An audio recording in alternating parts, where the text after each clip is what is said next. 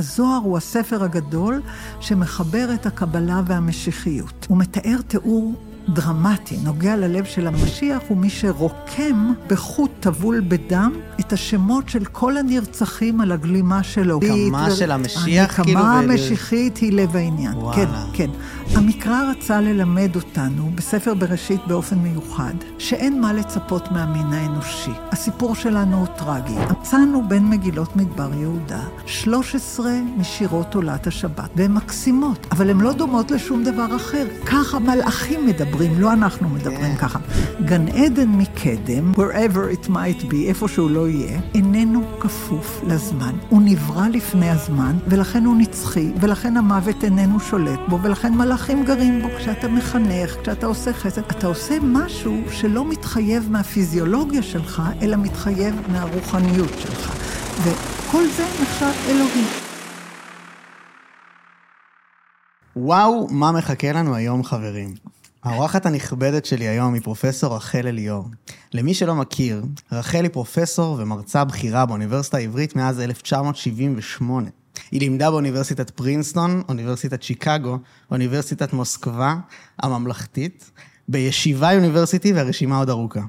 היא ככל הנראה המומחית הגדולה ביותר בישראל לנושאי קבלה, חסידות ותולדות היהדות. איזה כבוד לארח אותך, רחל, מה שלומך? תודה רבה. איך אומרים על... על הראש... המומחיות הראשונה במעלה? לא, אני חושבת שיש עוד כמה מומחים בארץ לקבלה וחסידות ושבתאות. כן. אשמח להתחיל ממשהו נורא נורא כללי, אבל שאני אשמח לקבל את אה, בבקשה. דעתך עליו. מהי קבלה? קבלה היא ספרייה שכתבו אנשים שמה שאפיין אותם היה שהם היו מובסים, נרדפים, מושתקים, מצונזרים. ואיך אנחנו יודעים את זה? כי רוב ספרי הקבלה נכתבו באופן אנונימי או פסוידו-אפיגרפי. כלומר, אנונימי זה שהמחבר אלמוני, פסוידו-אפיגרפי שהמחבר מייחס את עצמו לשם של אדם אחר. למשל, ספר הזוהר שמוכר לכולם, מיוחס על ידי כותבו לרבי שמעון בר יוחאי. אלא מה? הוא נכתב אלף שנה אחרי שמעון בר יוחאי. התנא שמעון בר יוחאי חי במאה השנייה לספירה, תקופת המשנה. ואילו ספר הזוהר התחבר במאה ה-13 בספרד. למה רצה המחבר לייחס את הספר לרבי שמעון בר יוחאי? כי הוא אמר, מי ישים לב למה שרבי משה דה ליאון אומר? יש הרבה סופרים אחרים, אבל אם וואלה. אני אגיד ש... מצאתי מדרש ירושלמי אבוד, דברי קודש מתקופת התנאים, הם יקשיבו למה שיש לי לומר. כלומר, פסוידו-אפיגרפיה זה דוגמה מובהקת להעדפה של התוכן הכתוב על פני זהותו של הכותב. יש לנו הרבה ספרים כאלה בספרות הקבלית, בין השאר משום שהיו תקופות שהמקובלים הרגישו מאוימים, נרדפים, שמוטב להם לא לחשוף את זהותם. בכל אופן, מהי קבלה? במה עוסקת הקבלה? הקבלה עוסקת בתיאור העולם האלוהי, כלומר כל מה שנעלם מן העין. הקבלה אף פעם לא עוסקת בגלוי לעין, היא עוסקת במה שסמוי מן העין. הקבלה בעצם מתחילה מספר קטן שקוראים לו ספר יצירה, שאומר לנו משפט נפלא. כשהקדוש ברוך הוא רצה לברוא את עולמו, הוא ברא אותו בכ"ב אותיות יסוד ובעשר ספירות בלימה, בספר, ספר וסיפור. עכשיו, זה משפט דרמטי, מדוע? כי בסיפור הבריאה המקורי, אלוהים בורא, אלוהים מדבר, רק אלוהים. בעוד ש... ומה שמתואר זה עשייה, אלוהים ברא את השמיים ואת הארץ, ואדם רעבתן ככל שיהיה, או מרהיב עוז ככל שיהיה, לא יגיד שהוא ברא את השמיים ואת הארץ. אבל כשספר יצירה אומר שאלוהים ברא את העולם בכ"ב אותיות יסוד ובעשר ספירות בלימה, זה כ"ב האותיות של האלף-בית, ועשרת המספרים שקוראים להם ספירות. כאן גם אנחנו שותפים, כלומר, לא חלילה שאנחנו משווים את עצמנו לאלוהים, אלא שכלי הבריאה של אלוהים, אותיות ומספרים, אלה כלי הבריאה שהוא בחסדו העניק גם לנו. גם אנחנו בוראים באותיות, גם אנחנו יוצרים במספרים. עכשיו, שנייה כן, לשאול על זה שאלה. בוודאי. אוקיי, אה, אה, למעשה, יש בוושינגטון, יש מוזיאון שנקרא אה, The Museum of the Bible. לא יודע אם שמעת. ויש שם, כן. את מכירה אותו? לא, אני לא הייתי שם, אבל שמעתי עליו. אז יש כן. בו בעצם את, ה, את הספרים הראשונים שנכתבו אי פעם, והם למעשה תנ"ך וכל מיני דברים נלווים לו. אז... ב- הכתיבה היא בריאה. היא בריאה. עכשיו, כי מה שלא כתוב, לא ידוע לנו. כל אדם, גם ש- מי שאיננו יודע קרוא וכתוב, חשוף לעולם החושים. אבל כדי לזכור משהו, כדי להנחיל משהו, כדי להעביר מדור לדור, כדי לזכור בצורה שחורגת מגבולות זמנך ומקומך, אתה מוכרח כתב. זו דרך אגב הסיבה וואו. שבלוח העברי, השנה, אנחנו היום בשנת 5860 ומשהו. למה? משום שה... הזמן מתחיל רק משעה שיש אותיות ומספרים. לפני זה אין זמן. ומתי בערך המציאו את הכתב, כתב היתדות השומרי בשפה האכדית? בדיוק, בערך לפני 5,860 וואו. שנה. כלומר, התודעה היא, זה בכלל לא ויכוח על מדע, זה לא ויכוח על אבולוציה, חלילה, בכלל לא. זו רק טענה שאומרת, זיכרון יש רק משעה שיש זיכרון כתוב, והכתב הומצא בשומר, פחות או יותר, ב... מפני האלף השלישי לפני הספירה, וואו. כלומר חמשת אלפים ומשהו שנה. אז הכתב עצמו הוא אלוהים גם, כאילו... הוא- הכתב הוא אלוהי במובן שהוא סימן טעון פענוח שקשור בצליל. כלומר, מישהו היה צריך, אתה זוכר בוודאי שפעם ראית כתב יפני או כתב סיני, ראית סימנים, אבל לא היה לך מושג מהו הצליל. כלומר, כתב שאתה מבין הוא לעולם הקשר בין סימן לצליל, וזה אין הבדל אם זה א', ב' או ABC או כל שפה אחרת. ברגע שיש לך מערכת סימנים מוסכמת, כשכל סימן מסמן צליל, או כל סימן מסמן ציור, יש תקשורת. הכתב העברי מתחיל מבריאת העולם. בריאת העולם מתחילה משעה שההיסטוריה מתחילה. מתי מתחילה ההיסטוריה? מה המעבר מהפרה-היסטוריה להיסטוריה? ברגע שיש טקסט כתוב, לא דקה לפני זה. אין לנו שום היסטוריה לפני שיש טקסט כתוב. אז הלוחות מספריית השורבניפל בשומר, מספרים לנו מה הייתה התרבות השומרית. לפני זה אין לנו עדויות. כלומר, כתבי ההירוגליפים ממצרים מספרים לנו על התרבות המצרית העתיקה, לא על התרבות המצרית של היום, על התרבות המצרית מלפני אלפי שנים, מהאלף השלישי לפני הספירה, אלף השני לפני הספירה, כן? כלומר, ברגע שיש לך טקסט כתוב, אז יש היסטוריה, לפני זה אין היסטוריה. וואו. כאילו, יש הרבה טענות כן. לנקודה הזאת. מתוך זה יש לי מלא שאלות על... בבקשה, מה שאתה רוצה, אתה יכול לשאול כל דבר. מעולה. אה, אז דבר ראשון, ה- כאילו, השאלות שעולות לי הן בהקשר של אה, אלוהים, ומה הוא בשבילך, וכל הדברים האלה, אבל אולי לפני זה, אני אשמח שכאילו, את הקשר לקבלה נסגור מתוך איפה שהיינו בו. אז מהי קבלה? קבלה היא ספרייה שמספרת על העולם הנעלם ועל יחסי הגומלין שבין האדם הפועל בעולם הזה, לבין העולמות העליונים שנפעלים על ידי מעשה האדם בעולם הסמוי מן העין. ההנחה של הקבלה היא שהתחוללה מהפכה, כלומר, לא רק האדם נפעל והאל פועל, אלא האדם פועל והאל נפעל. הקבלה מתחילה כמו שאמרתי, מספר יצירה, שאומר שהלשון שלנו, 22 האותיות ועשר הספירות או עשרת המספרים, הם כלי הבריאה של אלוהים בבריאה, ואנחנו שותפים לה. זה שאנחנו משותפים בחומרי הבנייה והיצירה, זו נקודת המוצא של הקבלה. עכשיו, כל מילה, כמו שאמר הבשט, בכל אות ואות יש עולמות, נשמות ואלוהות. האותיות, השפה, בכל דיבור שאתה אומר, עשוי להיות ניצוץ אלוהי בתנאי אחד, בתנאי שאתה מכוון את המחשבה שלך לנסתר שבנגלה, לאלוהי שמאחורי המוחשי, לאור שמאחורי הכיסוי. כלומר, הקבלה מושתתת על אחדות הפכים. זה תמיד יהיה גילוי והיעלם, יש ועין, רצו ושוב, משהו דינמי מאוד שמתחולל במחשבת האדם. כלומר, זה לא משהו שאתה עושה בידיים, כן. זה משהו שאתה מחולל במחשבה שלך. לכן אין גבולות. כל אדם עשוי לכתוב, עשוי לחשוב, לקרוא, לכתוב, לדבר, להתפלל, להרהר, על יחסי הגומלין בינו ובין העולמות העליונים. כל מה שאתה צריך זה מחשבה. קוראים לזה בלשון הקבלה דבקות. אתה מדביק את המחשבה שלך במחשבה האלוהית. הדרך הפשוטה ביותר. לעיין בטקסטים של החומש. אתה אבל קורא את זה במהלך ראשון, למשל, אתה אומר, בראשית ברא, ואז אתה שואל, מה זה בראשית? איזה אותיות מרכיבות את זה? האם זה בראש יתברך? האם זה ברא, שיט שיט זה במובן של שש בארמית, ברא שישה חלקים עליונים, כלומר אתה עוצר אחרי כל מילה ואתה מהרהר עליה, אה, מפרש אז, אותה. אז הקבלה היא הגישה הזאת? הקבלה היא הדיאלוג בין האדם החושב לבין הטקסט המקודש. אנחנו לא מדברים על ספר טלפונים, אנחנו מדברים על כתבי הקודש שמיוחסים במסורת היהודית לכתיבה אלוהית. אבל זהו, איפה, איפה לא התייחסו לזה ככה? לא, תמיד התייחסו, תמיד, ככה, כן. תמיד התייחסו לקבלה que כדרך של דיאלוג עם, עם שפת הקודש, לשון הקודש, כתבי הקודש, הקדוש ברוך הוא. כלומר, זה היחס בין האנושי לאלוהי בכל הגילויים האפשריים שלו. עכשיו, הקבלה אומרת שכל מצווה שאתה עושה, אתה צריך לומר למען ייחוד קודשא בריחו ושכינתי. כלומר, זה בארמית, כדי לייחד את הקדוש ברוך הוא ואת השכינה. עכשיו, זה המהפך שעשתה הקבלה. הקבלה הפכה את האדם לבעל תכונות אלוהיות, ואת אלוהים לבעל תכונות אנושיות. מה הדבר האנושי הכי מובהק? בעולם האנושי, או בעולם החי, כל חטיבה מחולקת לזכר ונקבה.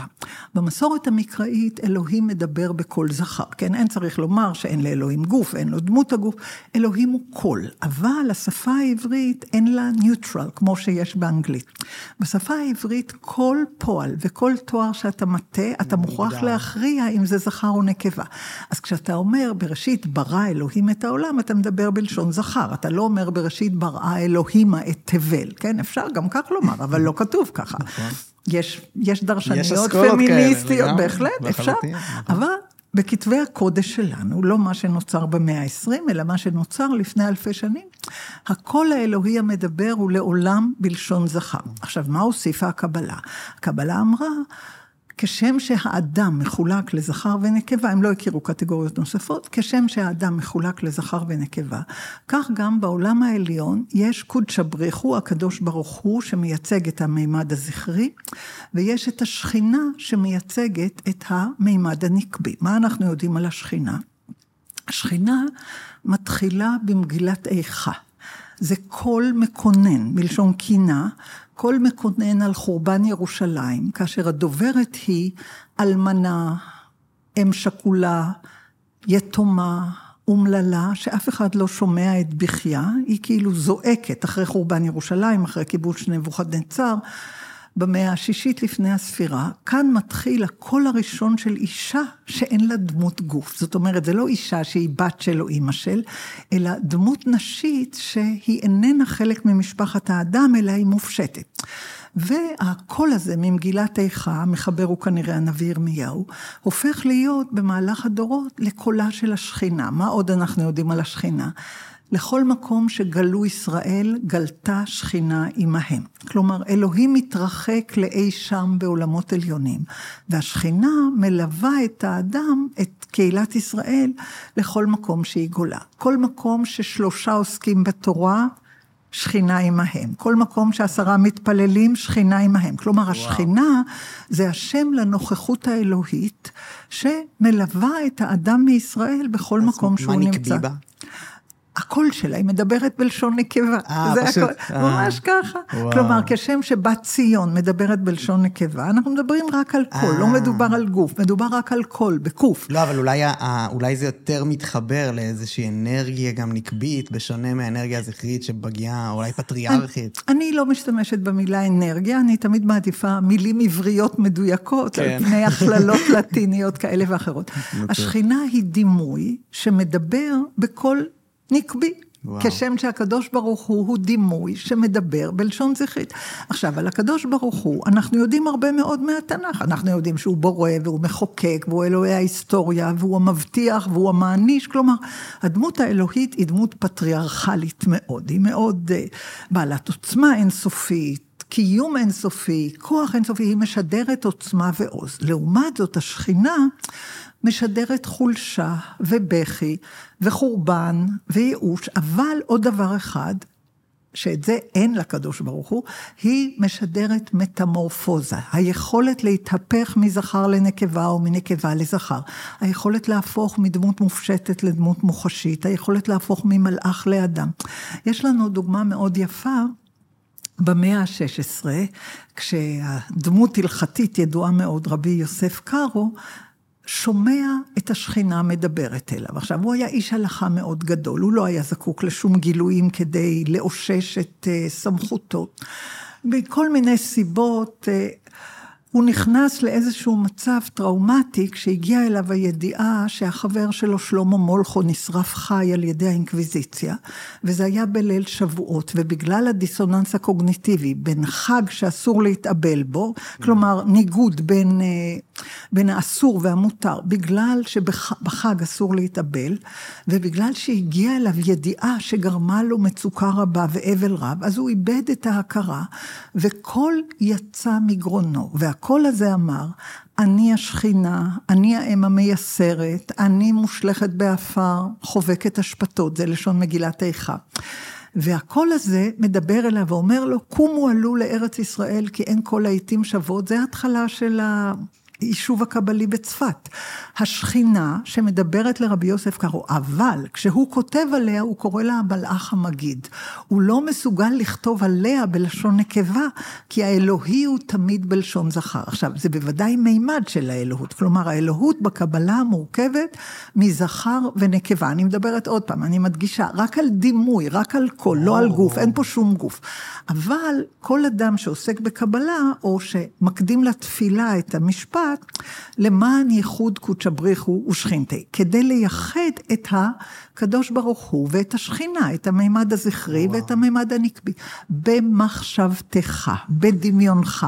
כלומר, אתה לוקח חלק פעיל בעולם האלוהי בזה שאתה תורם לייחוד שבין הזכרי והנקבי בעולם האלוהי. אז הדבר הראשון שהקבלה עשתה, הייתה להציע לאלוהות מימדים אנושיים, אנתרופומורפיים, כלומר צורת אדם, ולהציע להציע לאדם מימדים אלוהיים. המחשבה שיש לאדם היא אינסופית.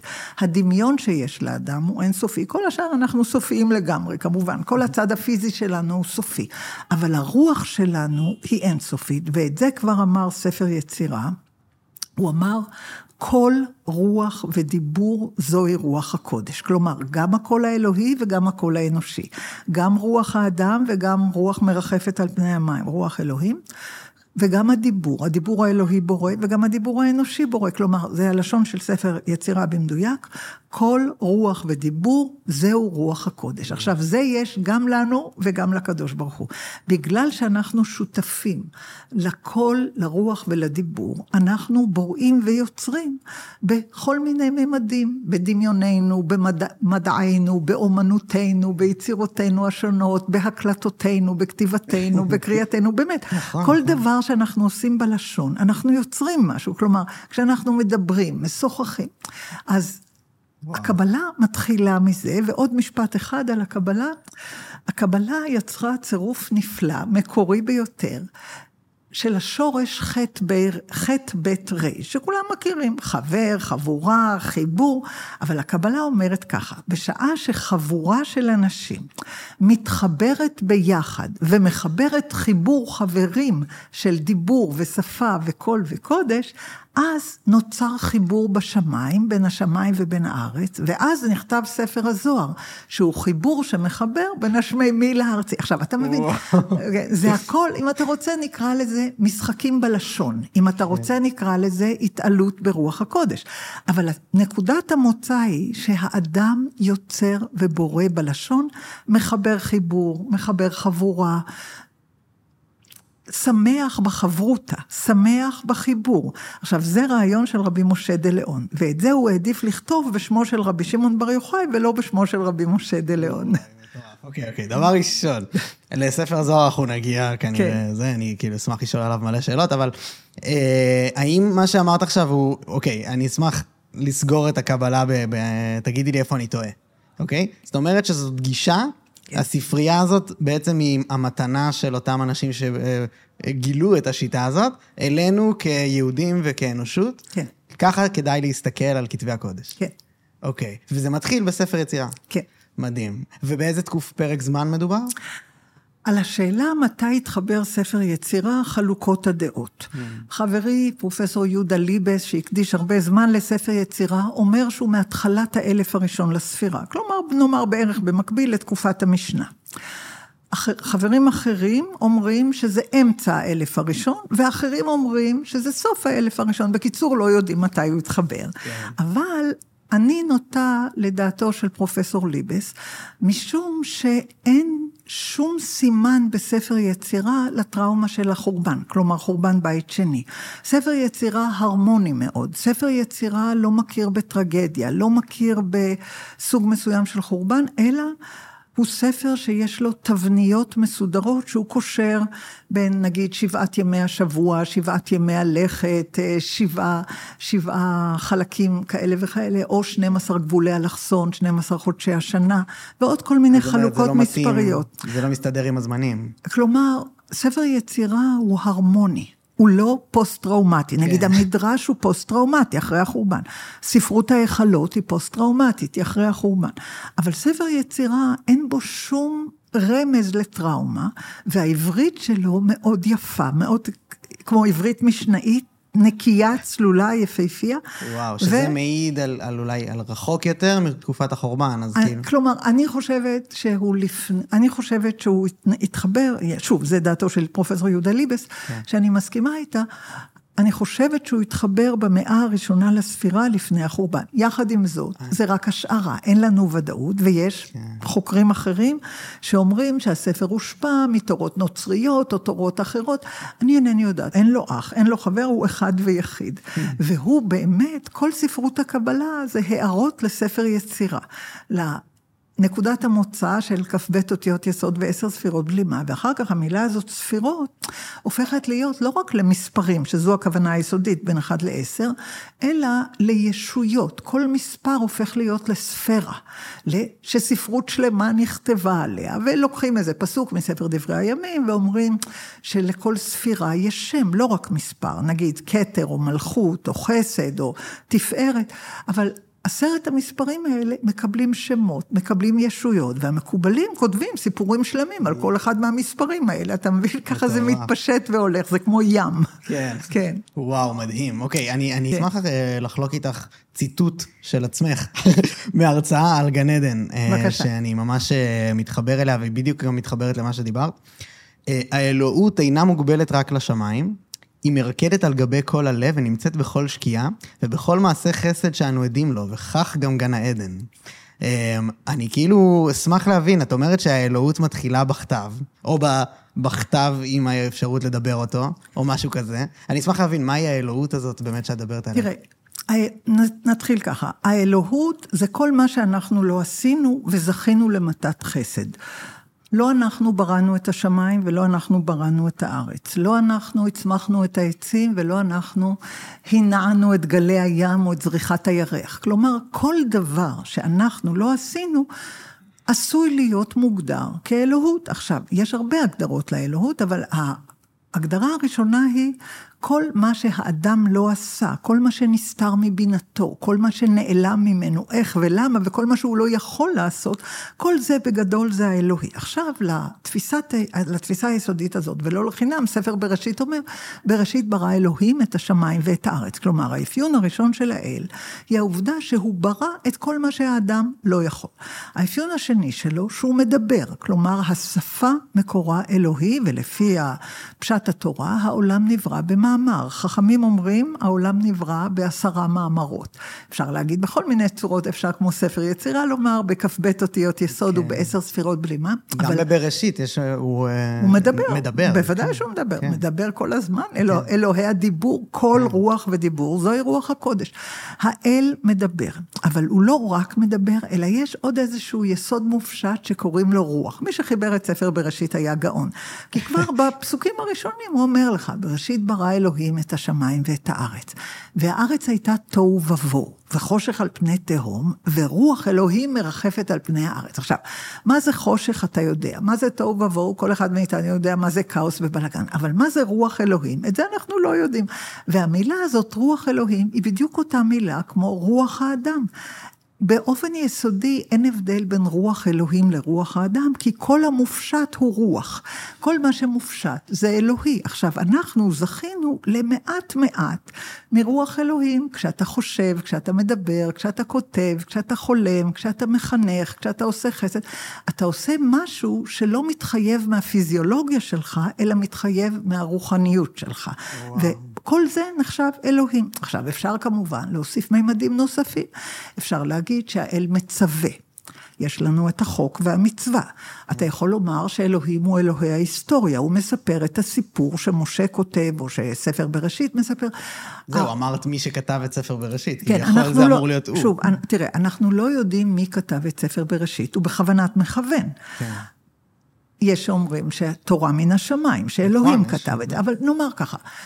כדאי תמיד להזכיר לעצמנו שאין שום הבדל בין סיפור להיסטוריה. בצרפתית, היסטואר זה סטורי והיסטורי. נכון, בלטינית, היסטורי כן. וסטורי זה אותו דבר. איפה נגמר הסיפור ואיפה מתחילה ההיסטוריה, אנחנו לא יודעים, אנחנו רק יכולים להגיד, לכל עם יש את הסיפור שלו.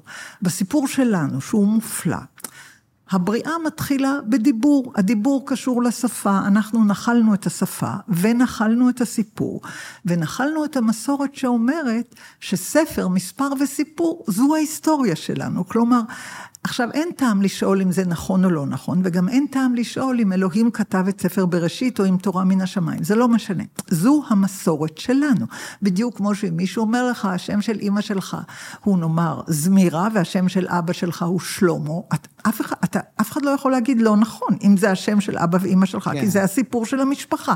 הסיפור של העם שלנו הוא שאלוהים ברא את השמיים ואת הארץ, ושהתורה מן השמיים. עכשיו, השאלה המעניינת היא, איפה נגמר הסיפור ומתחילה ההיסטוריה. אף כן. אחד לא יודע. וספציפית בדוגמה שנתת, אה, בשונה מאלוהים, אין לזה הוכחה, אז כאילו זה רק... אה, ההוכחה היא שהסיפור קיים. אתה מבין, ההוכחה היא הספר. העולם נברא בספר ספר, ספר זה מספר. בספר כמו ספרות על השעון. ספר, ספר וסיפור.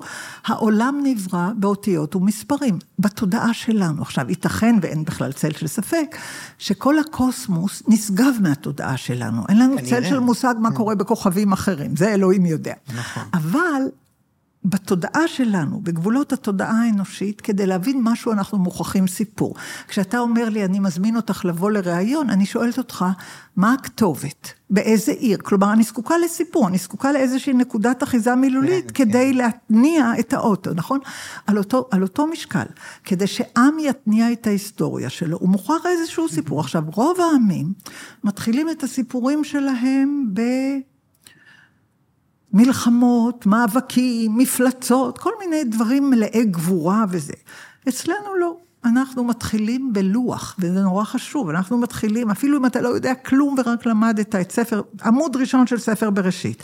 למדת מה שאתה יום. משתמש בו יום-יום. יום ראשון, יום שני, יום שלישי, יום רביעי, יום חמישי, יום שישי, שבת. גם אם לא הבנת כלום, כל יום אתה אומר, ניפגש ביום שני, ביום שלישי הבא אני נוסע לאילת, ביום רביעי אני פוגש את אימא. כלומר, החלוקה של ימי השבוע, זה המסר הראשון בספר התורה, וזה בכלל לא קשור לשאלה אם אתה מאמין או לא מאמין, אם אתה שומר מצוות כן. או לא שומר מצוות. הגאונות להתחיל את סיפור הבריאה בזמן, זה פריצה שאין דומה לה ובאף עם אחר אין אותה. וואו, כי למה?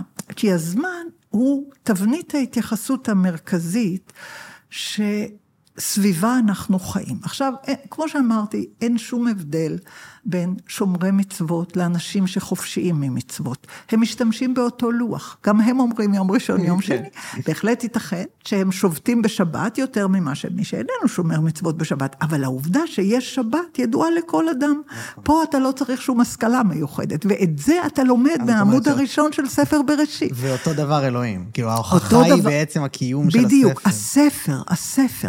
הגאונות של ספר שאומר בעמוד אחד, כן. מתאר את הבריאה. בריאה, ויש שם המון דברים מוכמנים, ואיך כן. אנחנו יודעים אותם? בגלל שהספרייה הכהנית הנפלאה שהתגלתה במגילות מדבר יהודה, שעוד נחזור אליהם, מספרת לנו כל מיני דברים נפלאים, איך צריך לקרוא את ספר בראשית. הם אומרים לנו, שימו לב, השנה מתחילה תמיד מיום רביעי, תשאל למה? למה? בגלל שלפני יום רביעי לא הייתה שמש. ואתה יכול להתחיל לוח רק משעה שיש שמש או אור וחושך. עכשיו, נכון שבמשפט הראשון כתוב ויהי אור, אבל זה האור הגנוז לשבעת הימים, זה אור שאין בו חושך, אוקיי? אז האור של היום הראשון, השני והשלישי הוא לא בשבילנו. הוא לדברים שנבראו מעבר לזמן. גן עדן למשל נברא ביום השלישי מעבר לזמן, כלומר המוות לא שולט בו. כל דבר שהוא בזמן המוות שולט בו. דבר שהוא מחוץ לזמן, למוות אין שליטה עליו. לכן הכוהנים אומרים, זה לא סתם שהשמש נבראה ביום רביעי. היינו צריכים שלושה ימים לפני כדי לברוא את המלאכים שלא כן. כפופים לזמן. כדי שאלוהים יגבש את סדרי הבריאה, כדי ש... יש להם כל מיני דברים, מה נברא, למשל הרוח והטללים והעננים, כל מיני דברים חיוניים ביותר, שהזמן לא חל עליהם. כלומר, הם לא מתפוגגים בזמן, אלא הם כל הזמן במחזוריות מופלאה. מדהים, עכשיו, אני יכול... כן, כן ודאי. אז, אז כמה דברים. דבר ראשון, אה, קארל יונג אומר, שאנחנו חייבים לחיות בתוך סיפור. אין דרך אחרת לחיות, כאילו, אתה, לא, אתה חייב לספר איזשהו סיפור. נכון. וכמו שנתת דוגמה שמה אנחנו עושים פה, אז לדעתי זה גם לגמרי, אנחנו לוקחים איתנו אנשים לאיזשהו מסע שיכול לעבור רק אם זה כן. סיפורי. כן, ממש, לגמרי. ממש. אז, אה, ובהקשר האלוהי של כל מה שתיארת ומה שהוא כאילו זה, כי הבנתי את, ה, את התיאור שתיארת, אבל האם את מאמינה בבריאה? האם יש בורא ל, ל, לקוסמוס, המילה, מעבר לעניין של הכתב והדיבור? המילה מאמינה לא מצויה באוצר המושגים שלי. כלומר, וואלה. אני לא עוסקת באמונה ואני לא עוסקת במאמינים, אני עוסקת בספרים וסיפורים. מה שמעניין אותי זו כל הספרייה של העם היהודי. בשבילי כל מה שכתוב מרתק, אני מוכנה גם להגיד מקודש, אבל אני לא מאמינה, לא מעמידה אותו במבחן האמונה. אני אומרת, כל אדם וענייני אמונה, וענייני האמונה שלו, זה דבר אינדיבידואלי לחלוטין. למשל, גם אנשים שלא מגדירים את עצמם כמאמינים, בשעה של מצוקה זועקים לאלוהים לעזרה. עכשיו, מה ההבדל בין מאמין למי שאינו מאמין? מאמין מחויב בעול מצוות. מי שלא מאמין בוחר את המצוות שיפות בעיניו, כן? הוא לא פוטר את עצמו ממצוות. גם אתה, אנחנו לא מספיק מכירים כדי לדעת אם אתה מאמין או לא מאמין, אבל אין לי כן. צל של ספק שאתה רואה את עצמך מחויב לרוב עשרת הדיברות. אתה לא רוצח ואתה לא גונב ולא משקר, כלומר, דברים שמתקבלים על דעתו של כל אדם במסגרת המוסר הרציונלי, כולנו עושים אותם בלי קשר לאמונה. כן. זה לא משנה מי אמר את זה. משנה מה כתוב, והכתוב נפלא, הכתוב המקראי נהדר. אז זה ממש פשוט, את אומרת, את מסתכלת כמו קבלה על, על הכל, את לא, את לא לוקחת את זה כפשט. זה הכל, אומרים אלוהים ברא, זה מאחורי זה, זה אני לא... אני אומרת שכל מה שכתוב נפלא. לא רק, בת, לא רק במקרא, בכלל, הספרייה כן. היהודית היא נפלאה בעיניי. אני ביליתי את חיי בספרייה היהודית בעיקר, כן. באמת. מלבד לגדל ילדים ופרחים, בעיקר אני עסוקה בלגדל, להתעסק בספרייה היהודית. הספרייה היהודית נפלאה בעיניי, כי הלשון העברית נהדרת בעיניי, וכל מה שיהודים כתבו אהוב עליי, ואני לא מעמידה את זה בכלל במבחן האמונה, זה לא מעניין אותי, השאלה הזאת לא מעניינת אותי. מעניין אותי מה כתוב. מעניין אותי למה זה כתוב, מעניין אותי מי כתב, מתי זה נכתב, מה הקשר הכתיבה, על מה נאבק מי שכתב, כנגד מי התפלמס מה שכתוב. כל דבר שקשור לספרים מרתק אותי. אבל השאלה אם אני מאמינה בזה או לא, לא רלוונטית בעיניי. זה יפה בעיניי, זה מעניין בעיניי, זה גם יכול אני, להיות אני מרגיז. חושב, אני חושב שהאלוהים שכתב את התנ"ך, זה האנשים שכתבו את התנ"ך לאורך ההיסטוריה, זה אלוהים עצמו. שוב, אני לא יודעת, אני לא רוצה להגיד שבני אדם הם אלוהים, אני מכבדת את המרחק בין האל לאדם, כי אני מקבלת את פשט המקרא בהכללה. אני מאמינה, כמו שאמרתי לך, שכל דבר שאנחנו לא בראנו, זה, אתה יכול לקרוא לזה אלוהים, אתה יכול לקרוא לזה טבע, וזאת ההזדמנות להזכיר לכולם שהמילה טבע לא נמצאת בכלל בשפה העברית המקראית, ולא המשנאית, ולא נכון. התלמודית, כן, למה? כי לטבע אין תובע ולבריאה יש בורא. עכשיו, למה זה חשוב ומתי נכנסה המילה טבע לשפה העברית? רק בשעה רבי משה בן מימון, הרמב"ם, כתב את מורה נבוכים, והיה מוכרח להשתמש בשפה הערבית, כי לא הייתה מילה לטבע. מה זה טבע ביוונית? אתה יודע, רק אתה לא יודע שאתה יודע. זה פיזיקה, פשוט פיזיקה. פיזיס זה טבע ביוונית. הוא השתמש, הרמב"ם מדבר עם אריסטו, עם הנאו-פלטוניות והנאו-אריסטוטליות וכל זה. הוא מתעסק עם הפילוסופיה היוונית, בזה עוסק מורה נבוכים, בשאלה אם העולם נברא, אם העולם עתיק. כלומר, הוא מדבר עם הפיזיקה והמטאפיזיקה של אריסטו, הוא כתב בערבית. איך שהוא גמר לכתוב את הספר, מיד חכמי צרפת אמרו, נא לתרגם לנו את זה מיד לעברית. שכרו את משפחת הטיבונים הגאונית, משפחה של רופאים בעלי כישרון לשוני מובהק. והם אלה שתרגמו את המילה טבע בערבית ופיזיס ביוונית לטבע. וואו. כי, אבל למ, זה לא סתם שאין לנו מילה לטבע, הרי יש תיאורי טבע מופלאים במקרא, אלא שלטבע אין תובע ולבריאה יש בורא. לכן זה כל כך חשוב. כן. לכן, לכן כתוב, בראשית ברא אלוהים את השמיים ואת הארץ, כן. וזו הבריאה. יש בתנ"ך הרבה הרבה מילים אה, מאוד מופשטות שלא קיימות. אהבה דווקא יש במקרא, כן, אוקיי, הר, אוקיי. הרבה פחות משנאה, אבל... מעניין כן, ממש. כן, כן, אהבה יש במקרא, כן. בהחלט יש. מה אין במקרא, אם אנחנו כבר מדברים על כן. יש ואין? למרבה הצער, אין אף משפט אחד שאומרת בת לאימה או אימא לביתה בכל 24 הספרים של המקרא. אבות מדברים בלי סוף, בנים מדברים בלי סוף, אחים מדברים בלי סוף, אבל אין אפילו משפט אחד בכל המקרא כולו שאומרת בת לאימא שלה או שאומרת אם לביתה. אני מוצאת את זה מחריד, כן? זה מאוד... כן. המבקרות הפמיניסטיות של קולנוע היום אומרות שבקולנוע נהוג מאוד שאם יש שתי דמויות נשיות, הן לא מדברות. נכון. הן רק ביחס לגברים. נכון, נכון, כן, נכון. זה דפוס שאנחנו מכירים. נכון, וזה דבר ש... זה קשור לשאלה הגדולה, למה יש פרקי אבות ואין פרקי אמהות, כן? כן. זה שייך... טוב, כן. לא, למה? כי למה? יש לך תשובה? בטח.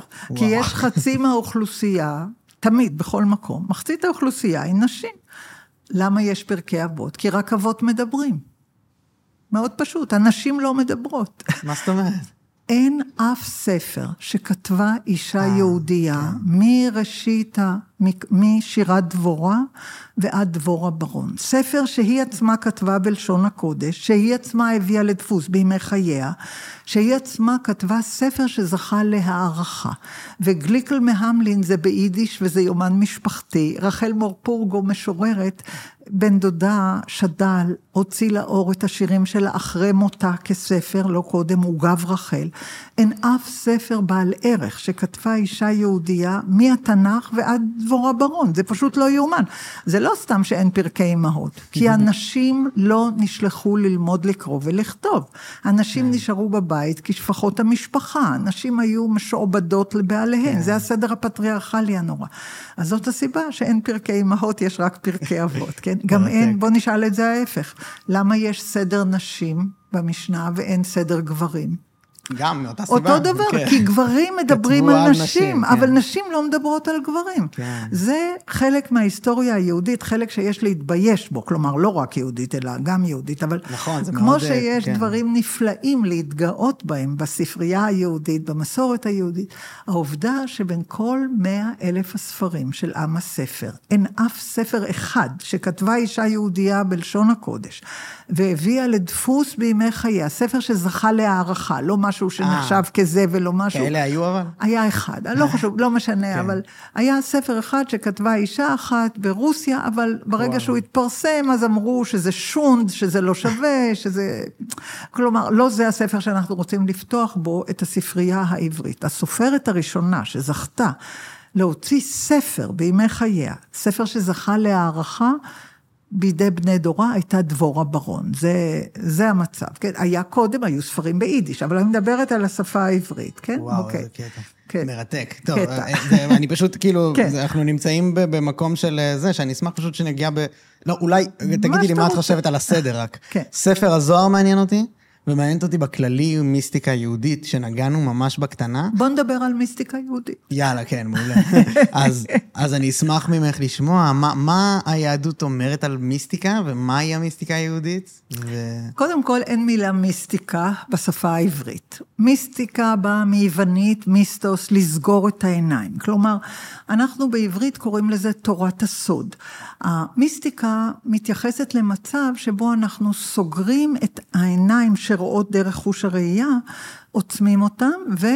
מסתכלים בעיני הרוח, לתוך התודעה שלנו, לתוך הדמיון שלנו, לתוך החלומות שלנו, לתוך השפה שלנו, לכל דבר שאיננו מוחשי. המיסטיקה לא עוסקת בדברים מוחשיים מלבד בלשון. כלומר, המיסטיקה ככלל זו ספרות שנכתבה על ידי מובסים, נרדפים, מצונזרים, מושתקים. שרצו להתבטא במקום ובהקשר שאסור היה לדבר על מה שהם רצו לדבר עליו בגלוי, והם בחרו לכתוב בצורות מוסוות או מסתוריות או פסאודו-אפיגרפיות או אנונימיות, כלומר בשם של מישהו אחר או בצורה אלמונית. על מה שהיה מאוד חשוב להם. ומה היה חשוב להם? הטקסטים המיסטיים הכי קדומים שיש, אני לא כוללת עכשיו את העולם המקראי, אלא אחרי המקרא, הטקסטים המיסטיים הכי קדומים שיש, אלה שרואים עולמות שאנחנו לא רואים, אלה נמצאים במגילות מדבר יהודה, למשל בשירות עולת השבת, שעוסקות במלאכים. המלאכים מדברים שם. הם, מישהו ראה ושמע בעיני רוחו איך המלאכים מתפללים. שירות עולת השבת, תשים לב למבנה המשולש, שירה כפשוטו, עולה, מה זה עולה? עולה זה קורבן. איפה היו מעלים עולה? רק במקדש. עולת היום, עולת החודש, עולת השבת, עולת התמיד. כלומר, עולה זה קורבן.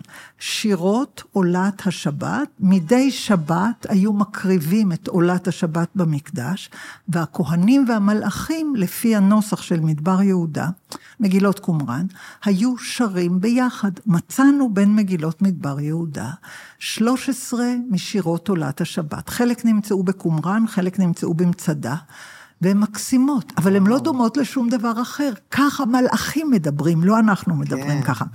פרסמה אותם לראשונה קרול נוסם, שהיא הייתה תלמידת דוקטורט של פרופסור ג'ון סטרגנל, היום כמובן היא פרופסור בפני עצמה, אבל וואו. כשהיא פרסמה את זה בפעם הראשונה ממגילות מדבר יהודה, ואני קראתי את זה בפעם הראשונה, אמרתי, וואו, זאת ההתחלה של המיסטיקה היהודית, כזה, כי זה עוסק במלאכים. אני עסקתי קודם, קראתי את זה ב-1987, וקודם, בראשית שנות ה-80, עסקתי בספרות ההיכלות, שגם היא עוסקת בשירה ובמלאכים, לכן התעניינתי בשירה ובמלאכים. הבעיה עם ספרות ההיכלות הייתה שלא היה לנו מושג מי כתב אותה, למה כתבו אותה, למרות שהיא מיוחסת לרבי עקיבא ולרבי ישמעאל. כלומר, יש לנו נקודת זמן, היא לא נכתבה לפני רבי עקיבא ורבי כן. ישמעאל, היא מיוחסת לרבי עקיבא ורבי ישמעאל, אבל בהחלט ייתכן שהיא נכתבה גם מאות שנים אחר כך. גם על זה החוקרים חלוקים בדעתם, אם מהמאה השנייה או השלישית או הרביעית או השישית. למרות שידענו בדיוק מה כתוב בה, לא ידענו את ההקשר שבו היא נכתבה. ברגע שראיתי ב-1987 את שירות עולת השבת, לגמרי ביד המקרה, אמרתי, זהו, זה התחתית שמתחת לספרות ההיכלות, כי גם כאן יש שירה, גם כאן יש מלאכים, כן, גם כאן יש דיבור על משהו שאנחנו לא ראינו, אז, אני אז, ואתה לא ראינו. אז כן. מדהים. דבר ראשון, האם כן. כאילו... זה כל עוד לא מגלים משהו נוסף, נכון? סליחה, לא שמעתי. יכולים להפתיע אותך עם איזה מגילות חדשות שימצאו, אני ואז... אני מחכה, כל פעם כן. שיורד גשם, אני מצפה שתתגלגל איזה אבן, לא חס וחלילה על אף אדם, אלא תתגלגל ברור, ות... ותחשוף. ותחשוף איזה מערה לא מוכרת. לגמרי. אני כל הזמן מחכה לעוד מגילות, ברור מדהים, שיש אוקיי, עוד. אז, כן. אז זאת אומרת, את מדברת על האחרונה שאנחנו יודעים ומצאנו וגילינו? אנחנו, לא, לא על האחרונה, אלא... המגילות כולן... לא, הראשונה הזמנית. אה, כן. כן. המגילות כולן התגלו ב-1900, בין 1947 ל-1956, וזה היה כמו דרישת שלום מהעבר הרחוק. ביום שהאו"ם הכריז על מגילת ישראל, פרופסור אליעזר ליפה סוכניק מהאוניברסיטה העברית קיבל טלפון ממר התנזיוס מהמנזר האשורי בעיר העתיקה. בוא מהר פרופסור סוכניק, הגיע אליי מגילה עם כתב עברי עתיק. סוכניק אמר, מה? אני רץ, אשתו אמרה לו, מה פתאום, מתחילות יריות וזה, מסוכן. באמת באותו יום? באותו יום בדיוק, תפתח כל ערך אנציקלופדי על מגילות מדבר יהודה, תראה, הם התגלו בכ"ט בנובמבר 1947. מטורף, לא ידעתי את זה. אוקיי, כן, מסובך הסיפור, אבל בכל אופן, הדבר החשוב הוא ש... התגלו מגילות עתיקות כתובות בעברית. קודם לא מצאנו, מצאנו פסיפסים שיש בהם מילים עבריות, מצאנו חריטות על מצבות שיש בהם מילים עבריות, אבל מגילה שלמה שכתובה עברית, לא. ומצאו אלף חלקים של מגילות, מדהים. שזה נפלא, ספרייה אדירה. מדהים, מדהים. ושם... ב... זהו, את פשוט על המיסטיקה. כן. אז, אז את אומרת אבל שההבדל, העניין המיסטי, הוא הדיבור על עולמות אחרים. על עולמות שאנחנו לא רואים בעין. כלומר, אתה ואני יכולים לדבר על רחוב אבן גבירול או על הר חרמון, כי ראינו אותם כן. בעין. אבל לא אתה ולא אני ראינו את מרכבת הכרובים בשמיים שראה יחזקאל, ולא ראינו את המלאכים ששרים את שירות עולת השבת או את שירות עולת החודש. אבל גם את גן עדן לא ראינו. נכון, אבל כל מילה שמצויה בלשון היא פתח לחלון אינסופי. תחשוב על המילה מלאך. אתה ואני לא ראינו מלאכים, אבל מהרגע שהמילה מצויה, זה כמו חרך הצצה לאלף אפשרויות. דווקא בגלל שאתה לא ראית אותם, אתה רשאי לפנטז אותם איך שאתה רוצה, וזה החופש של היצירה, שהעם היהודי חמד יותר מכל דבר אחר. יש משהו שאתה, בתוך מה שאת אומרת, שאני לא יודע אם את אה, מתכוונת או שמה לב או זה, שפשוט... והייתי שמח להעיר עליו, שזה היופי של היהדות שהגיעה, כאילו, שהביא לנו את הכתב ואת כל הדברים שכתובים, זה ההתחלה תכלס של כל מה שאנחנו מכירים היום. כל הספרות, וגם הנצרות וגם האסלאם, נבע מתוך אותו... כן, תראה, אבל... אני, אני לא רוצה להגיד שאנחנו התחלנו, כי היו לפנינו יצירות ספרותיות גדולות, למשל ספר המתים המצרי, בכתב ההירוגליפים. כן.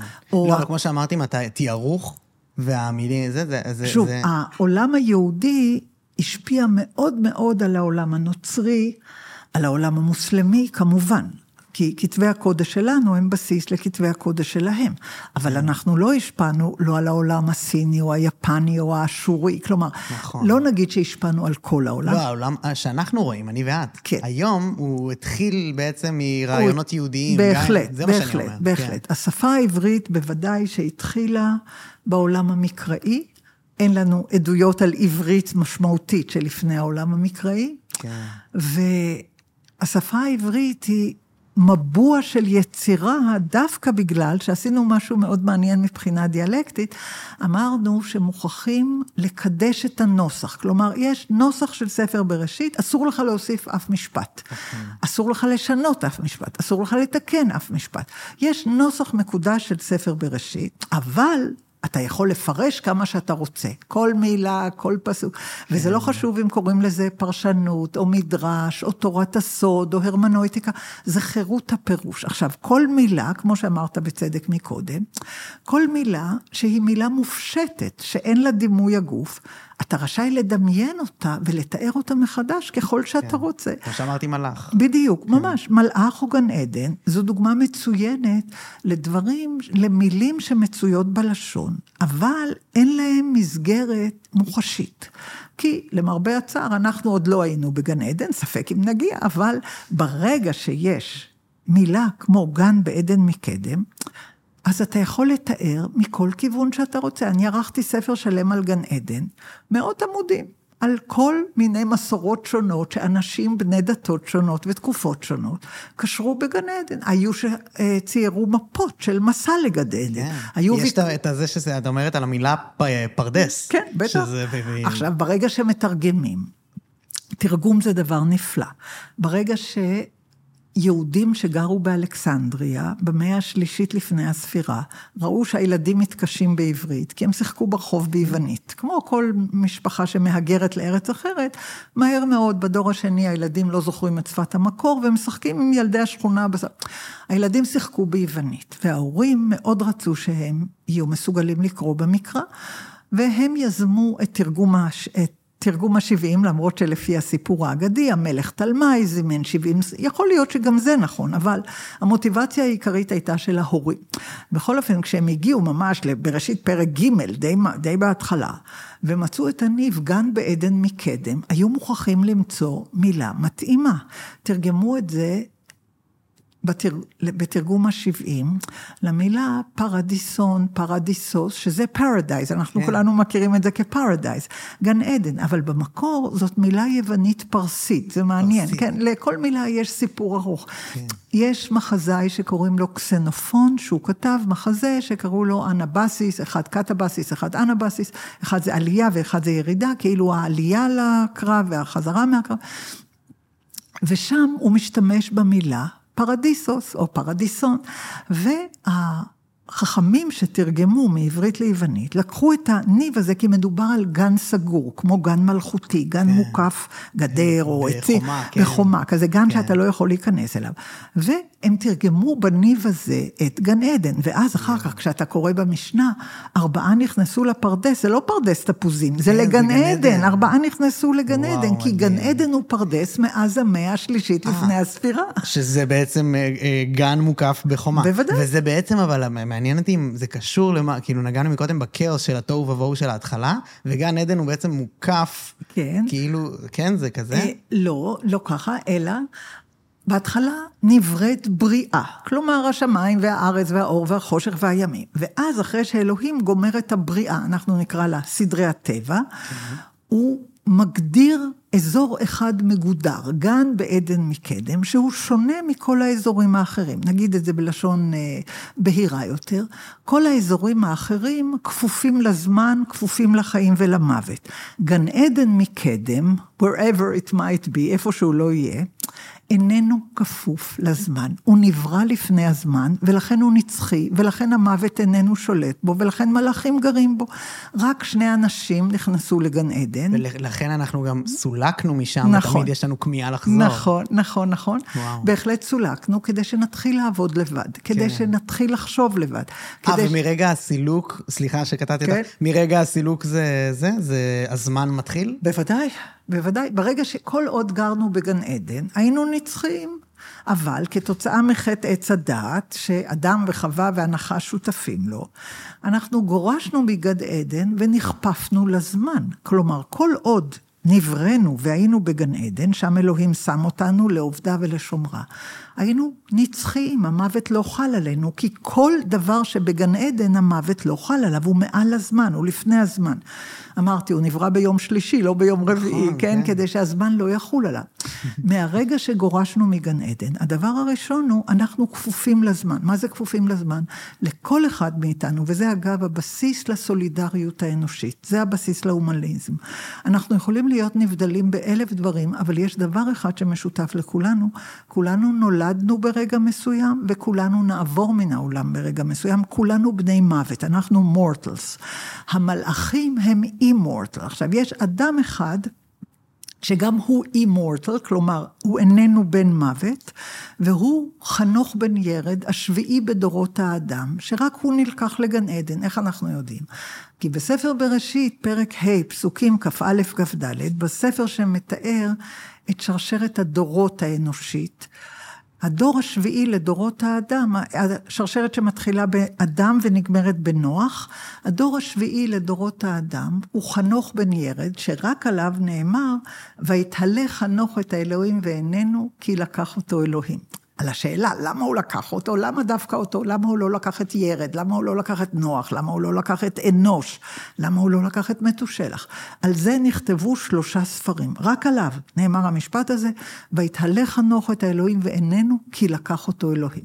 שלושה ספרים, זה המשפטים המוכמנים האלה, כן? Yeah. למה, למה הוא לקח אותו? כי הוא השביעי.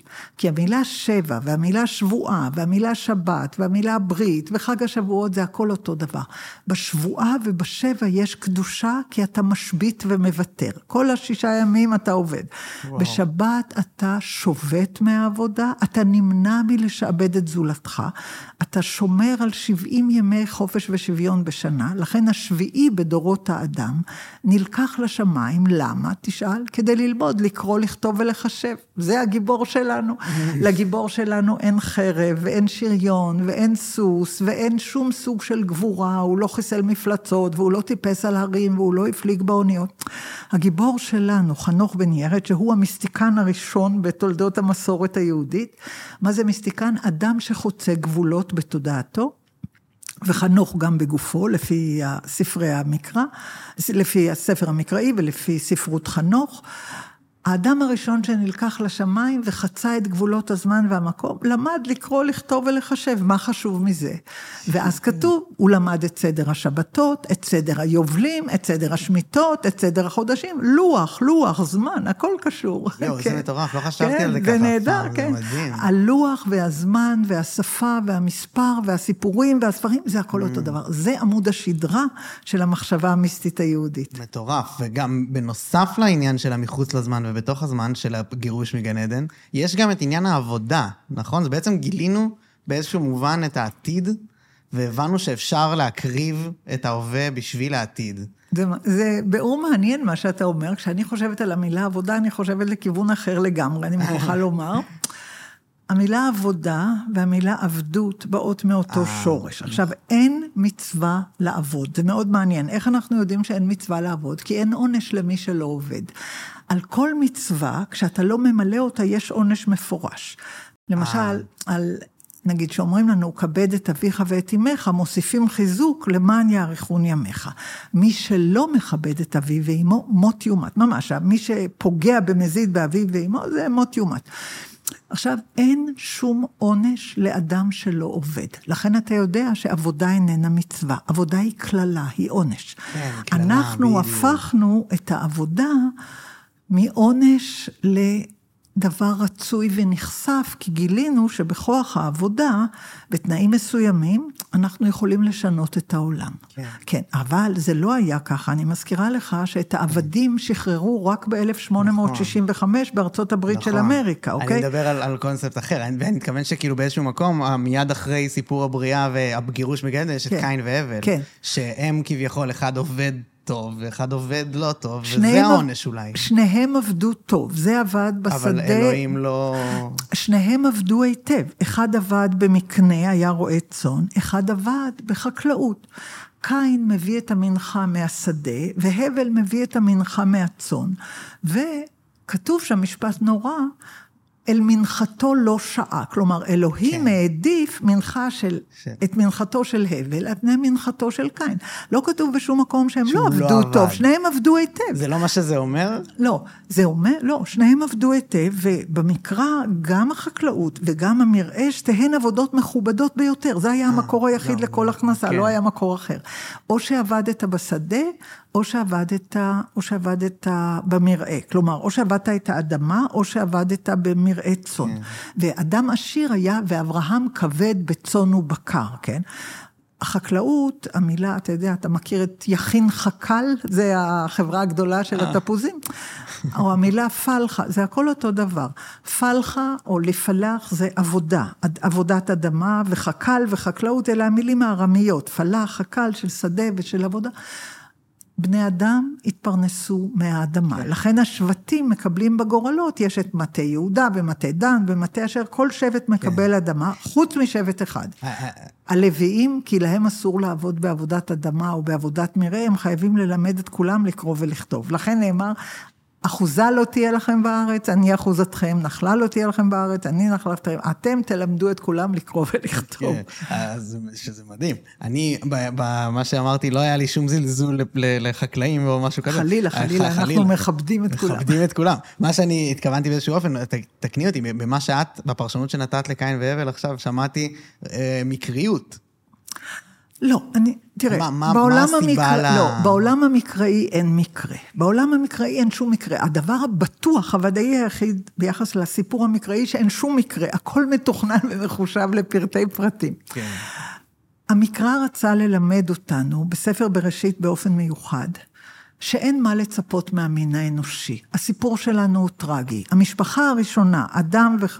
אדם וחווה וקין והבל. המשפחה הראשונה מחוץ לגבולות גן עדן מתחילה את המסע האנושי בטרגדיה. הם הורים שכולים לבן אחד והורים לרוצח בן שני. הבן הרוצח שלהם מקולל בנה ונה תהיה בארץ והולך לארץ נוד, מלשון נדודים.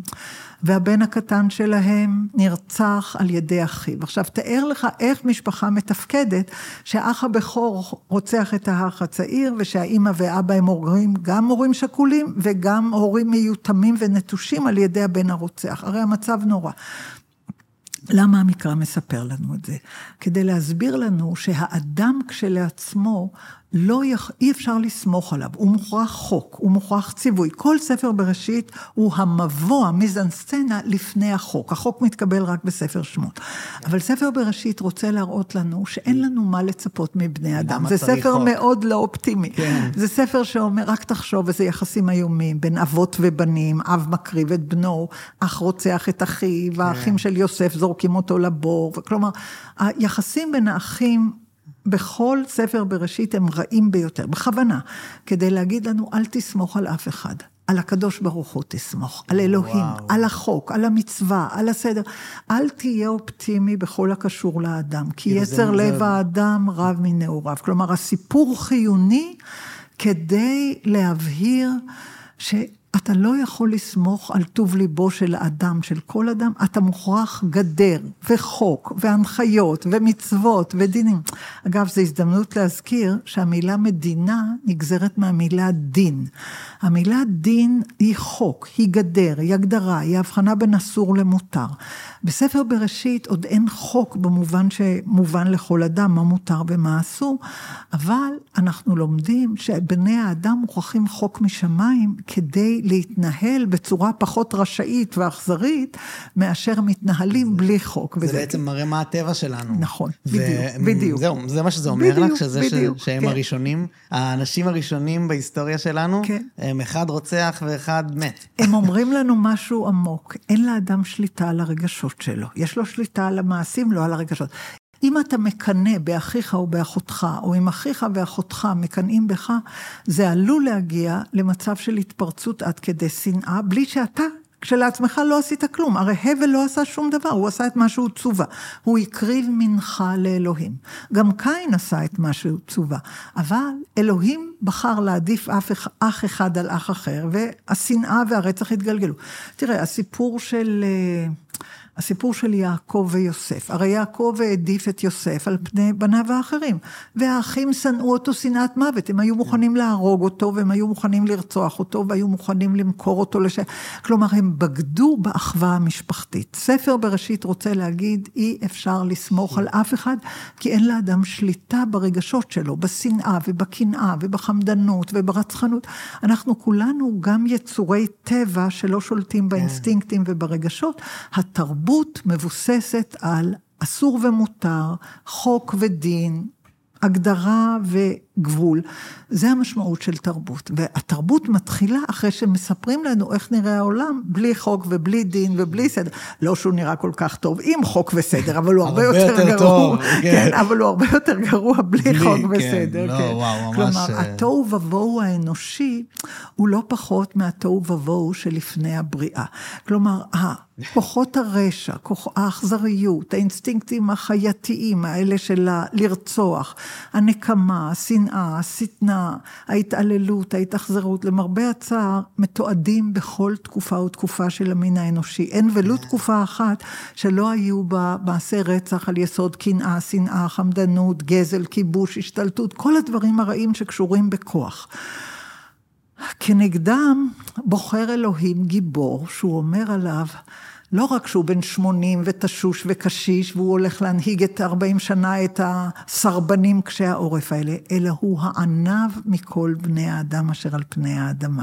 הרי זה ממש נפלא שמי שכתב את החיבור המקראי, או אלוהים, או משה, אומר שהתכונה ראויה ביותר לשבח מכל התכונות האנושיות היא ענווה. ועל על משה הוא אומר, ומשה האיש ענב יותר מכל אדם אשר על פני האדמה. ענב כמובן עין נון וו. כן, כן. ומשה האיש ענב יותר מכל אדם אשר על פני האדמה. כלומר, הוא לא חזק, הוא זקן ותשוש, הוא לא רהוט בדיבור, הוא מגמגם, הוא צריך את אחיו לפה. הסיפור המקראי אומר, לא בכוח, לא בכוח, לא ביד חזקה, לא כוחי ועוצם ידי, בענווה. בחוכמה, בוויתור, בשביתה, ממש ההפך מכל הסדר הגברי החזק של גבורה וכוח ועליבות. כן, כן. כן. שזה הרשע התמידי כן, של התנ"ך, כן, זה כן, העריצות כן, של מצרים. ממש, כן. בדיוק.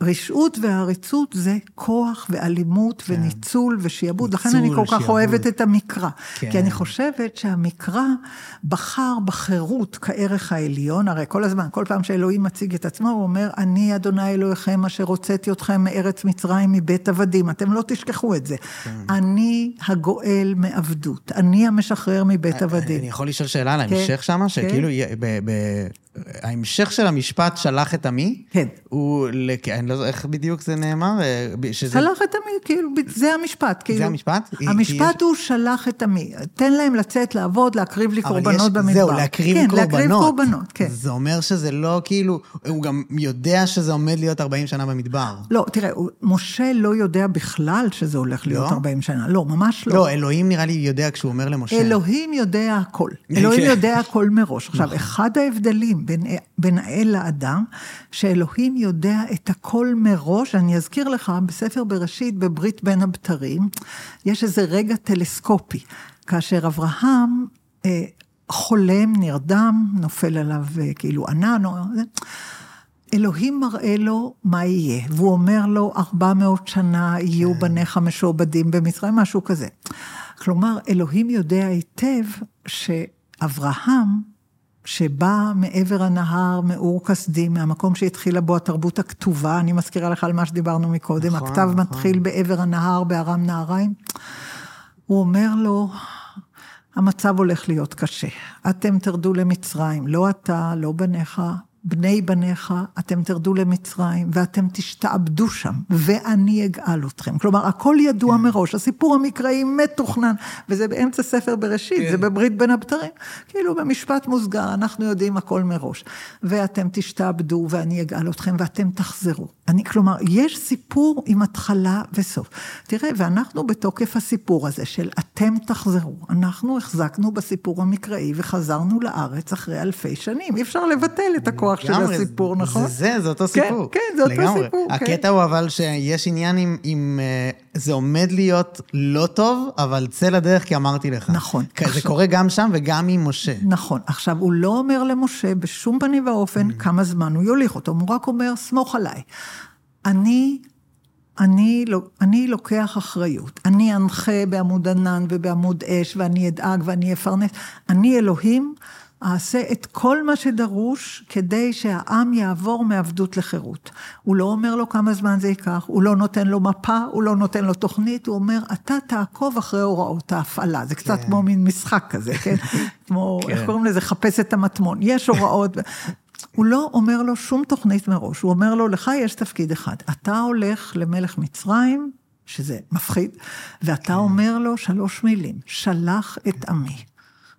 כאילו, וכשהוא יגיד לך מה פתאום, מי אתה ומה אתה, בין עבדים, אתה תגיד, כך אלוהים אמר, ואז יש לו הזדמנות להפגין את עשרת המכות, את כל כן. האודיו ויז'ואל של העוצמה האלוהית האינסופית כנגד אלילי מצרים. כן. זאת אומרת, המאבק הגדול במקרא הוא בין האלוהים הנראה, שזה אלילי מצרים הדוממים, לבין אלוהים הנשמע הבלתי נראה, שזה האל של החוק המקראי, של ההיסטוריה, של הגאולה, של הגלות, האל היודע מראש הכל. כלומר, האל הבורא, האל המחוקק, אלוהי ההיסטוריה, מראשית עד אחרית. כן, כן לאורך כל התורה יש, כן.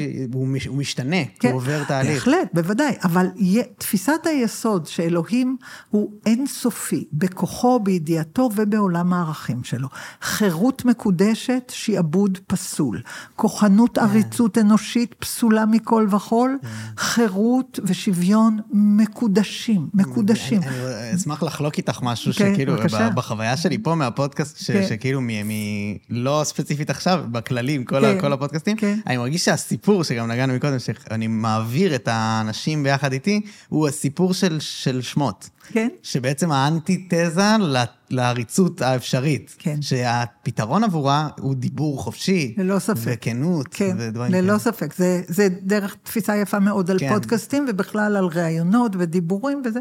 אני גם חושבת כך, ואני בטוחה שאין אדם שאי אפשר לדבר איתו, אין נושא שאי אפשר לדבר עליו, בתנאי שאתה אומר, כל, עד שאתה מכיר בסיפור המקראי שאומר, בצל, אה, האדם נברא בצלם אלוהים. כן. כל אדם, לא רק אדם יהודי, לא רק אדם ישראלי, כל אדם נברא בצלם אלוהים, אחר כך בני האדם התחלקו ליבשות שונות, לתרבויות שונות, לשפות שונות, לגזעים שונים, אבל הגזע האנושי אחד הוא, אחד. הגזע האנושי יכול לבוא בכל הצבעים, בכל הצורות, כן. בכל הגדלים. כל אדם שנולד ומת ורוח אלוהים בו שווה לכל אדם אחר. זה הרעיון המקראי. עכשיו, אני אסייג. כל הגברים היהודים שווים זה לזה, כל הנשים היהודיות שוות זו לזו, אבל גברים ונשים כן, לא שווים, נכון. אוקיי? זה חשוב להסביר את זה, אבל רק בעולם היהודי, כל גבר יהודי כשר לבוא עם כל גבר יהודי אחר במשא ומתן. לא הייתה אצלנו אף פעם אצולה, לא הייתה כנסייה, לא הייתה אינקוויזיציה, לא הייתה היררכיה, לא היה סדר פאודלי, לא היו מעמדות של כאלה וכאלה. כמובן, בכל חברה ובכל קהילה יש מוכשרים יותר, מוכשרים פחות, עשירים יותר, עשירים פחות, חכמים, טיפשים, אבל לא כמעמד קבוע. נותנים לכל גבר יהודי הזדמנות שווה מהרגע ששולחים את כל הילדים ללמוד. אתה שולח את הילד ללמוד בגיל שלוש בעולם המסורתי, עשר שנים על חשבון הקהילה. הילד יכול להיות בין הסנדלר, בין הרופא, בין הרב, בין הרצען או הסנדלר. כל הילדים היהודים, ללא יוצא מן הכלל, חייבים בחובת לימוד תורה. עכשיו, כל ילד יהודי שמגלה איזשהו ניצוץ של כישרון, בציור, במוזיקה, בחשבון, בקריאה, מטפחים אותו מיד, ולא היה שום הבדל, ובזה, זה הכוח של העם היהודי, השוויון המוחלט של כל לומדי התורה. נשים לא זכו ללמוד תורה, לכן הם לא זכו בדבר הזה, והם קופחו בצורה איומה, אבל זה היה הסדר הפטריארכלי של כל העולם, לא רק של העולם היהודי. אבל רק בעולם היהודי, רק, שלחו את כל הבנים ללמוד בעשור הראשון לחייהם, מהרגע שנגמלו מהיניקה ומהחיתולים, גיל שלוש, גיל ארבע, עשר שנים על חשבון הקהילה. עכשיו, כל ילד שגילה טיפה סקרנות ועניין, מיד היו מטפחים אותו. אתה יודע, יש דוגמה נורא יפה. חיים ויצמן, הנשיא הראשון, גדל בעיירה קטנה שקראו לה מוטלה. ככה, מוטלה, עיירתי מוטלה, כתב חיים צ'מירינסקי, ספר נהדר. הוא הלך לחדר כמו כל הילדים היהודים.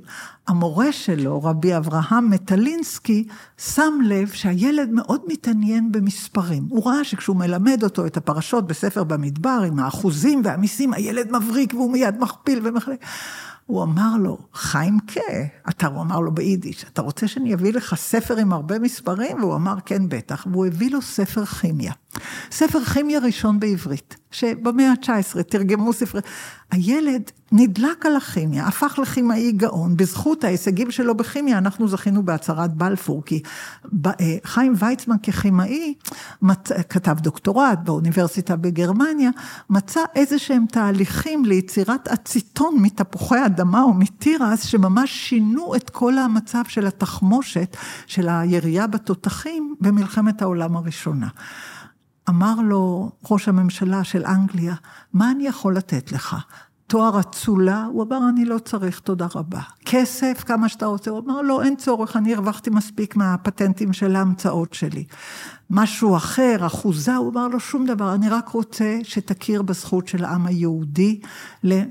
הוא לא אמר מדינה ריבונית או ישות לאומית, משהו, הוא ביקש עבור העם היהודי הצהרה, ש...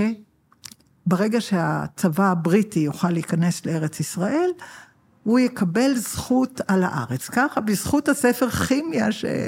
בזכות כן. הסקרנות שעודדו כן, כי כן, המסורת כן. היהודית. אבל היו, מה שאני רוצה להדגיש, שבניגוד לדימוי לא נכון שיש לאנשים, בחדר לא למדו רק לקרוא בתורה.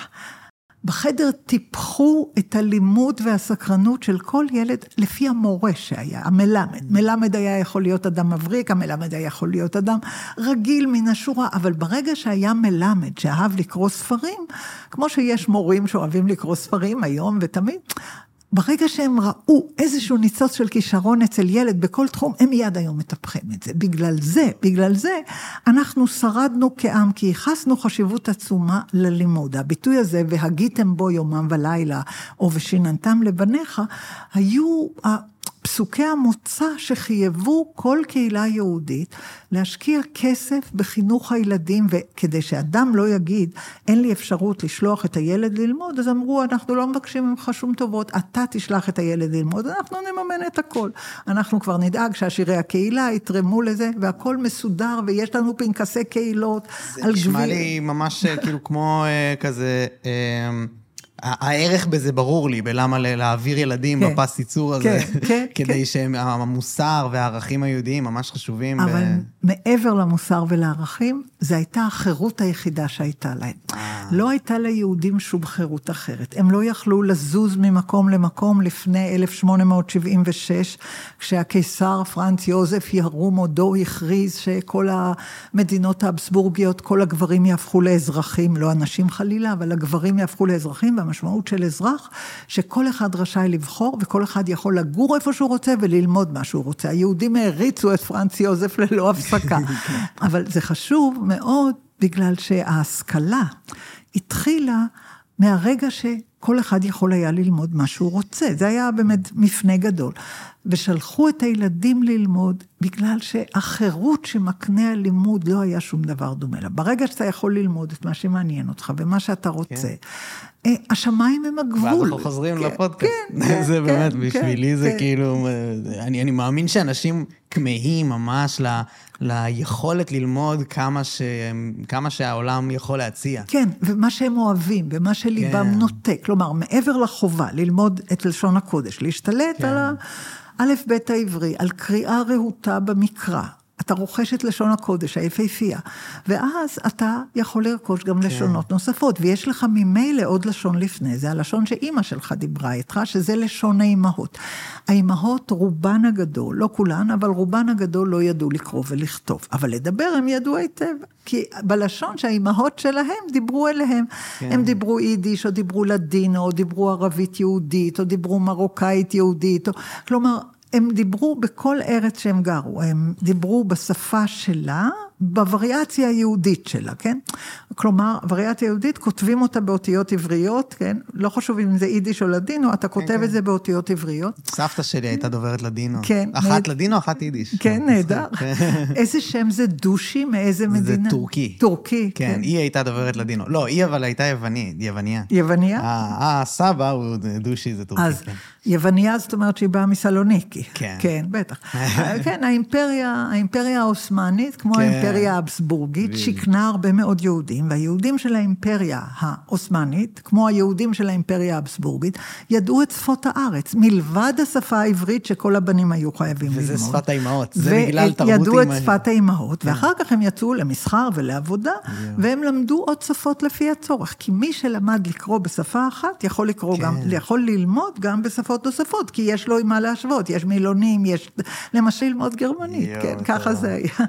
טוב, כן. מרתק ממש. כן תרצי שנלך לספר הזוהר, להרחיב עליו? כי כן, הבנתי שאולי את לא רוצה. לא, לא, לא שאני לא רוצה, אבל אני חושבת, ש... אני חושבת שדיברנו עליו. אה, אני, יש לי...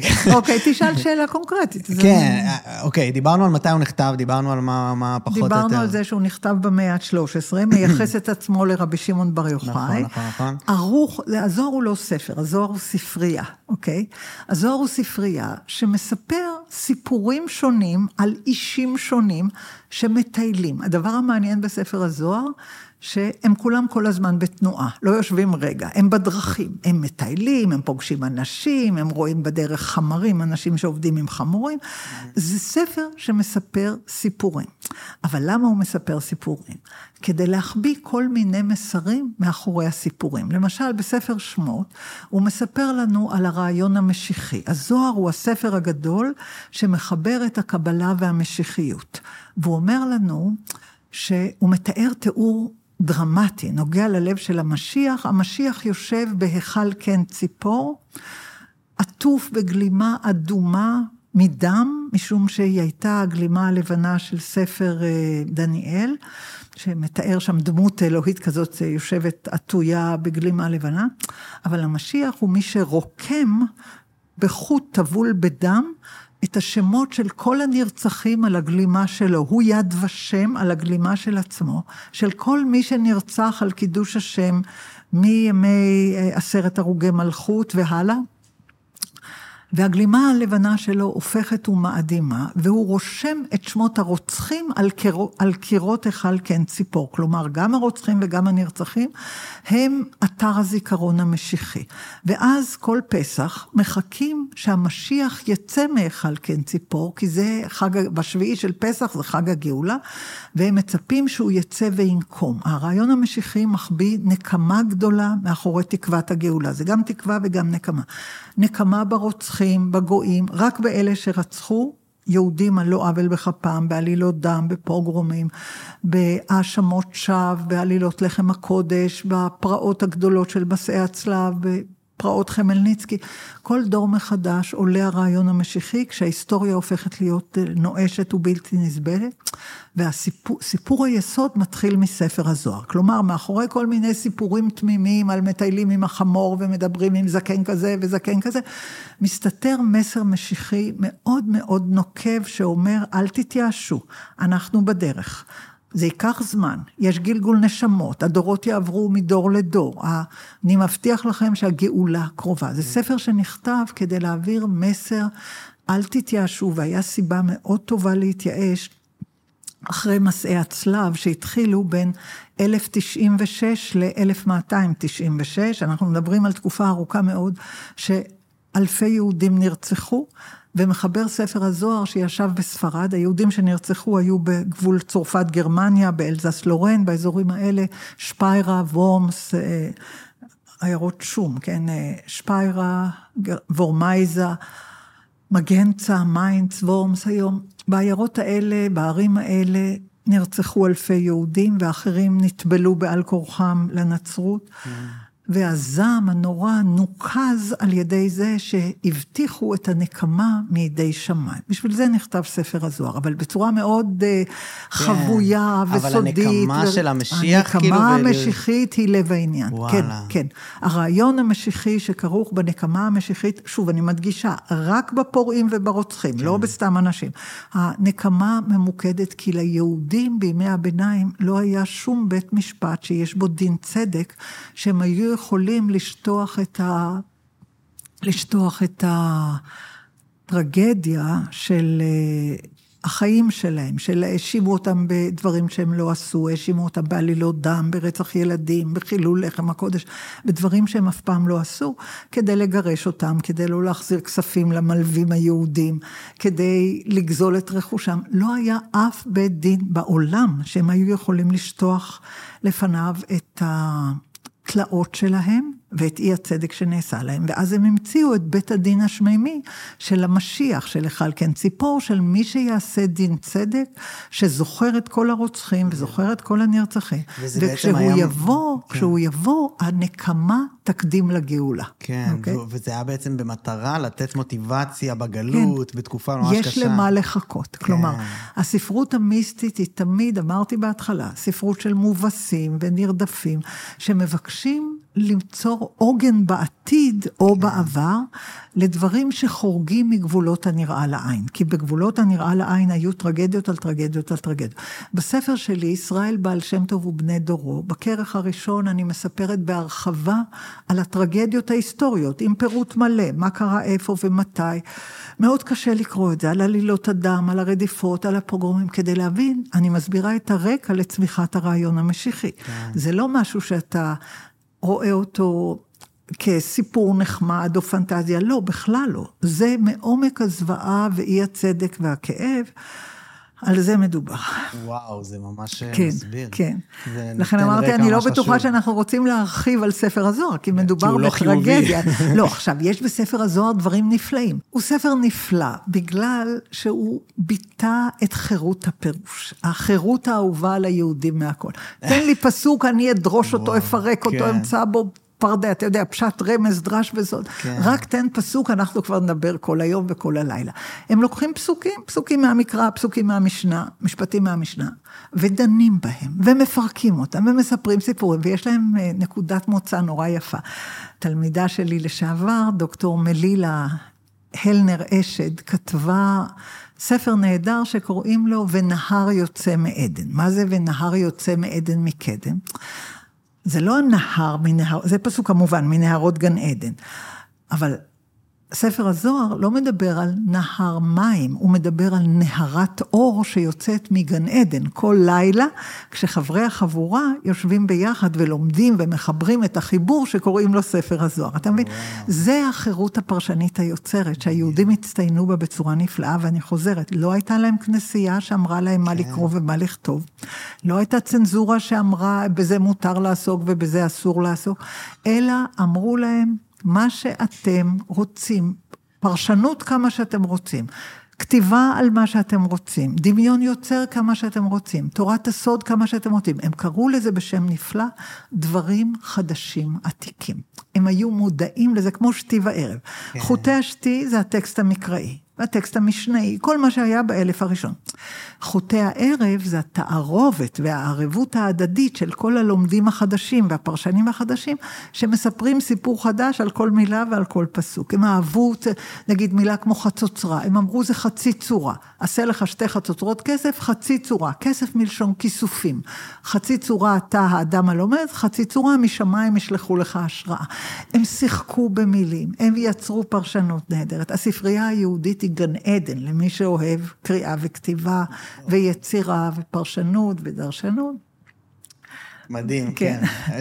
כן, אם הייתי שואל אותך בכללי על המצב במדינה וזה, זה רק אם זה משהו שהיה לך נוח לדבר? אני מוכנה לדבר. אנשים ממש כמהים לשמוע את דעתם של חכמים כמוך. על המצב במדינה? המצב כן. רע מאוד מה לדבר. אה, אוקיי. אני חושבת שהשאלה מאוד מורכבת, וקשה לענות עליה בהכללות גדולות, אבל אני אנסה, מתוך שאני מסייגת את דבריי, שהזמן הקצוב וההכללה כן. הגדולה היא... אנחנו רואים את החלום ושברו. המדינת ישראל קמה מתוך החלום היהודי הציוני בין אלפי השנים, מהמקרא ועד היום. ואנחנו חזרנו לארץ ישראל כאל ארץ מקלט, כאל מקום מנוח לכף רגלינו הנרדפת. בגלל נסיבות היסטוריות, שוודאי לא על כולם הייתה לנו שליטה, מצאנו את עצמנו שני עמים חיים על אותה כברת ארץ. אילו היינו נוהגים בתבונה, היינו מעניקים שוויון זכויות אזרחי מלא לכל מי שגר כאן, ומאפשרים פיתוח תרבותי של כל עם וכל תרבות, ולא קובעים שיש מקום רק ליהודים, אלא היינו אומרים, חיים כאן שני עמים מאז יצחק וישמעאל, חיים כאן שני עמים מאז יעקב ועשו. אם אנחנו תובעים את האמת המקראית מימי אברהם, יצחק ויעקב, חובה עלינו לאשר את האמת המקראית נכון. מימי עשו וישמעאל, שאגב התחתנו זה בזה. אנחנו מאוד שגינו בזה שלא הענקנו שוויון זכויות, שלא חוקקנו חוקה, שלא קבענו בחוק, בחוק יסוד החקיקה, את מעמדם העצמאי והבלתי ניתן לפגיעה של שלוש הרשויות, שלא ראינו בלשון העברית ובלשון הערבית שתי לשונות שוות. היות והשכלנו לעשות, ולא נהגנו בתבונה, ולא הענקנו שוויון וצדק וחירות לכל עמי הארץ, אנחנו עכשיו נושאים בתוצאות העוול של הכיבוש, של ה... אפרטהייד, של חיים במשטר צבאי, של מיליונים. אי אפשר להמשיך ככה. זו וואו. הייתה טעות, אני חוזרת שוב. כמובן הטעות לא רק שלנו. ההנהגה הערבית הפליאה לעשות בלבחור בחירה לא נכונה בכל צומת דרכים. אבל אנחנו, כמדינה ריבונית, היינו צריכים לנהוג אחרת מתוך מאור פנים, רוחב דעת ואמון בבני אדם. יש דבר אחד שאנשים שוכחים. מעולם שתי דמוקרטיות לא נלחמו זו בזו.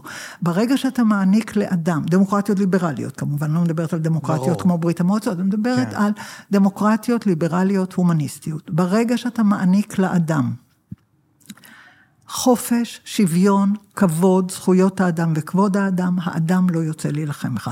מי שיש לו אומץ להעניק שוויון וחירות וכבוד האדם וזכויות האדם לכל אזרחי הארץ, לא צריך לפחד מאף אחד.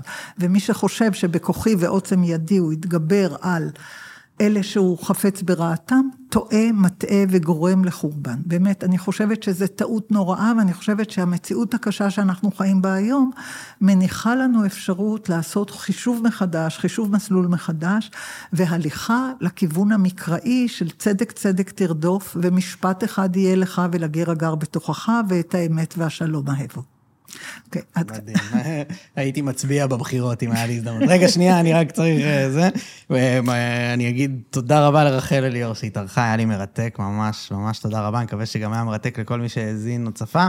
וזהו. תודה רבה לך, דניאל, היה באמת רב שיח על הרבה מאוד נושאים. תודה על כן. השאלות שלך, תודה שהזמנת אותי, ותודה למאזינים הקשובים. תודה רבה. מעולה.